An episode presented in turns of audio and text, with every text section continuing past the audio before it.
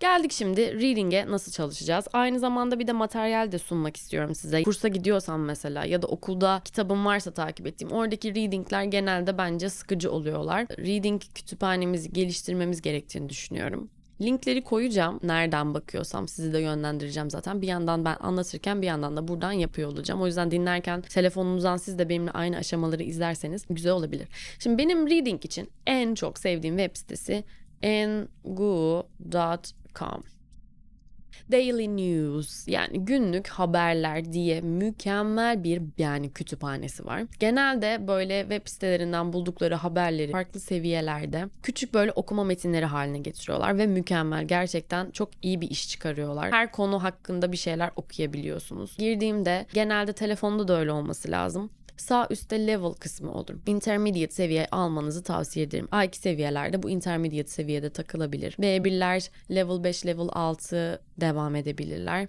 Artık B2 isem, B2 ve üstüysem zaten advanced ve proficient. Hatta advanced'ı bile geçip proficient kısmına gelebilirim. Ama ben bugün level 5'ten yani intermediate seviyeden bir şeyler seçeceğim. Burada yukarıda kategori kısmından istediğim kategoriyi seçebilirim. Nasıl seçmem gerekiyor burada peki okuyacağım şeyi? Tamamen canım ne okumak istiyorsa. Karşıma mesela benim Harry Potter is getting a new TV series çıktı. Ben buna girmek istiyorum çünkü Harry Potter çok seviyorum. Zaten TV series'in ne demek olduğunu da biliyorsam, aa demek ki Harry Potter dizi mi oluyormuş acaba diye başlığından bile bir fikrim oluşuyor ne okuyacağıma dair. Şimdi ilk tekniğim bu. Önce şunu diyeceğim kendime. Hemen bilmediğim kelimeleri araştırma böyle şeyine girmeyeceğim. Bilmediğim kelimelere bakmak benim yapacağım en son iş olacak arkadaşlar. Her zaman önce beynimizi biraz yormalıyız. Çeviriye hemen bakmak beynimize şunu demektir. Merak etme beynim. Ben senin için hemen çeviriden bakacağım anlamına. O yüzden seni düşünmene gerek yok. Beyninize bunu demeyin. Beyninize deyin ki ya kendim bulmaya çalış biraz. Çalış ya beynim. Biraz işle. İşleyen beyin ışıldar. Harry Potter is getting a new TV series dedim. Ondan sonra birazcık başlığa baktım, resme baktım. TV series'in ne olduğunu bilmiyorsam bile anlamaya çalışıyorum falan.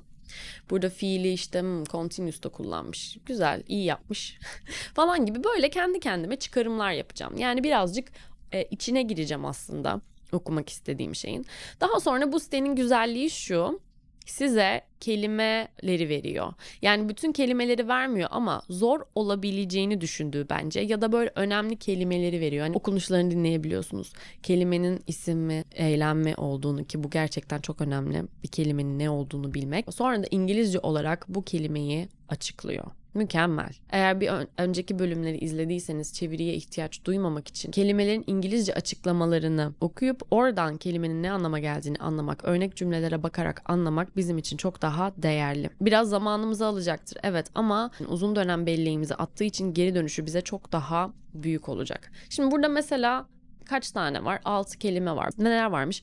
Mesela serious, magic, wizard, cast, produce, original. Ben bu kelimelerin hepsine gidip teker teker Türkçe anlamlarına bakıp bir yere not alırsam bu neredeyse hiçbir işime yaramaz. Yani Türkçe anlamlarına bakmay bakmayalım ama bu kelimelere gelip bir şöyle bir göz gezdirelim. Açıklamalarını okuyalım. Ne anlama gelebileceklerini düşünelim. Çünkü daha bunları e, okuduğumuz metnin içerisinde göreceğiz ve belki okurken tanıdık bir şeylerden biz onun ne anlama geldiğini zaten anlayabileceğiz. Bu anlamda kendimize izin vermemiz gerekiyor. Daha sonra aşağıya indiğimde zaten article diyor ve benim karşıma böyle çok kısa bir article çıkıyor. Okurken ne yapacağım? Bir okuma metninden en yüksek verimi almam için onu bir kere tane tane okumam lazım. Yani şöyle bir okuma yok.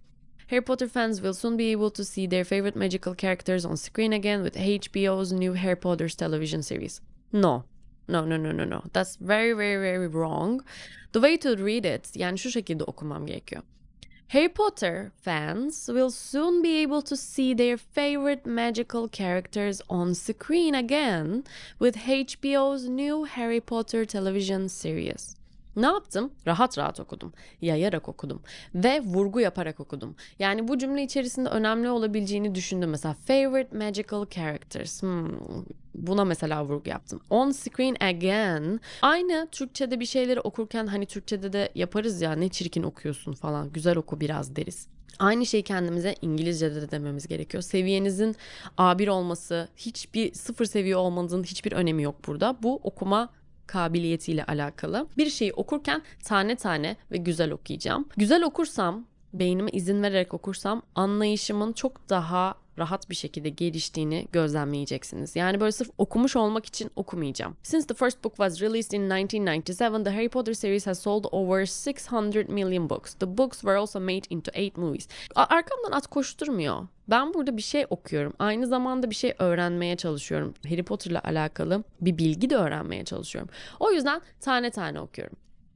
Since the first book was released in 1997, the Harry Potter series has sold over 600 million books. The books were also made into 8 movies gibi. En baştan tekrar alalım. Geldik. Buradaki kelimelere bakarız bakmayız. Bu bize kalmış. Sizin, siz başka bir siteden bir şey okursunuz. Orada kelimeler olmaz. Kelimeler zaten şu an benim için çok önemli değil. Onlara sonra geleceğim. Ne yapıyorum? Article'ı, okuma metnini baştan sona kadar güzelce bir okuyorum. Arkamdan kimse koşturmadan okuyorum. Tane tane okuyorum. Bilmediğim kelimelerin telaffuzlarına bakarak okuyorum ama anlamlarına bakmıyorum.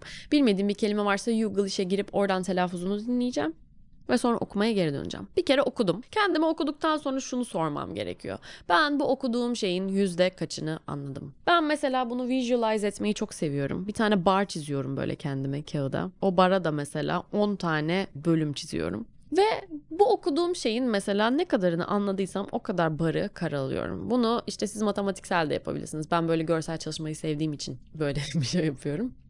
Ama mesela okudum abi ben bunun yüzde 50'sini 60'ını anladım ya bilmediğim kelimeler vardı bazı cümlelerin işte yapısı zordu ee, o yüzden anlayamadım ama yani sorsam ben sana şu anda bunun yüzde 50'sini yüzde 60'ını anlatabilirim eğer böyle diyorsam okey zaten. Bu güzel bir noktadayım. Eğer ben bunu okudum ben bunun %10'unu bile anlamadım ya da ben bunun %30'unu ya sadece bir cümleyi anladım ben bu okuduğum metinden diyorsam o zaman çok daha basit e, metinlere doğru ilerlemeliyim. O zaman şu demek bu okuduğum şey benim için fazla zor ve anlama konusunda beni motivasyon e, bölümünde de bahsetmiştim. Motivasyon olarak beni düşürecektir. O yüzden siz daha News in Levels gibi daha kolay sitelere doğru e, ilerleyebilirsiniz. En az %50'sini anladım ben bunun.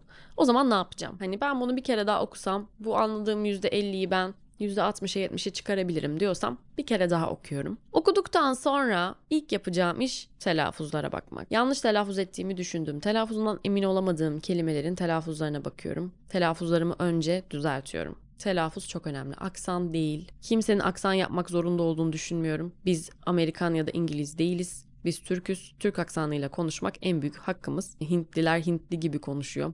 Ruslar Rus gibi konuşuyor. Ama pronunciation başka bir şey. Yani bir Hintli Hint aksanı yapıyor olabilir ya da bir İspanyol İspanyol aksanıyla konuşuyor olabilir ama telaffuzları doğru çıkarmam gerekiyor ki anlaşılabileyim. O yüzden telaffuz önemli. Burada da bütünsel öğrenmeye geliyoruz. Yani ben sadece bunu okudum, kelimelere baktım, anladım, hadi bay bay gibi bir şey yapmıyorum. Okuduktan sonra telaffuz yani dinleme yeteneğimi destekleyen bir aktiviteye dahil oluyorum. Telaffuzlara baktıktan sonra bu okuduğum şey hakkında konuşmaya çalışacağım. Wow. Koyacağım telefonu. Videoyu açtıktan sonra bu okuduğum şeyin %50'sini %60'ını anlamıştım ya. Ne anladıysam basit cümlelerle böyle çok karmaşıklaştırmadan konuşmaya çalışıyorum. İşte ne? Harry Potter um, is a book. It also has movies. Harry Potter is the main character. He's a wizard and he has lots of friends. And right now, um, they are thinking about turning the movies into TV series gibi. Yani burada aklımda ne kaldıysa bunu anlatmaya çalışacağım. Aklımda hiçbir şey kalmadı diye bir şey yok. Çok basit cümleler bile kurabilirim. Kurdum cümlelerimi, sesimi kaydettim, kendimi videoya aldım neyse. İşte şimdi bu aşamayı da geçtikten sonra kelimelere bakabilirim. Hocam anlamadığım kelimeler olduğu için ben bunu anlayamadım. Siz bilmediğin kelimelere bakma diyorsunuz ama ben bunu o zaman anlayamıyorum. Şimdi zaten ne demiştik? En baştaki o barımıza geri dönelim. Siz bunun kelimelere bakmadan %50'sini anlayamıyorsanız zaten bu sizin için zor bir okuma metnidir. O zaman seviyeyi aşağıya düşüreceğim. 2-3 kere okudum, telaffuz çalışması yaptım. Ondan sonra bir üstüne konuşmaya çalıştım. Bunlardan sonra artık kelimelere gelebilirim. Peki kelime çalışmasını nasıl yapacağım? Diyelim ben bunu okuyorum. Burada bakalım bilmediğim kelime ne olabilir? Seçeyim bir tane. Announce mesela. Cümle şu. The cast for the television series hasn't been announced. Hmm.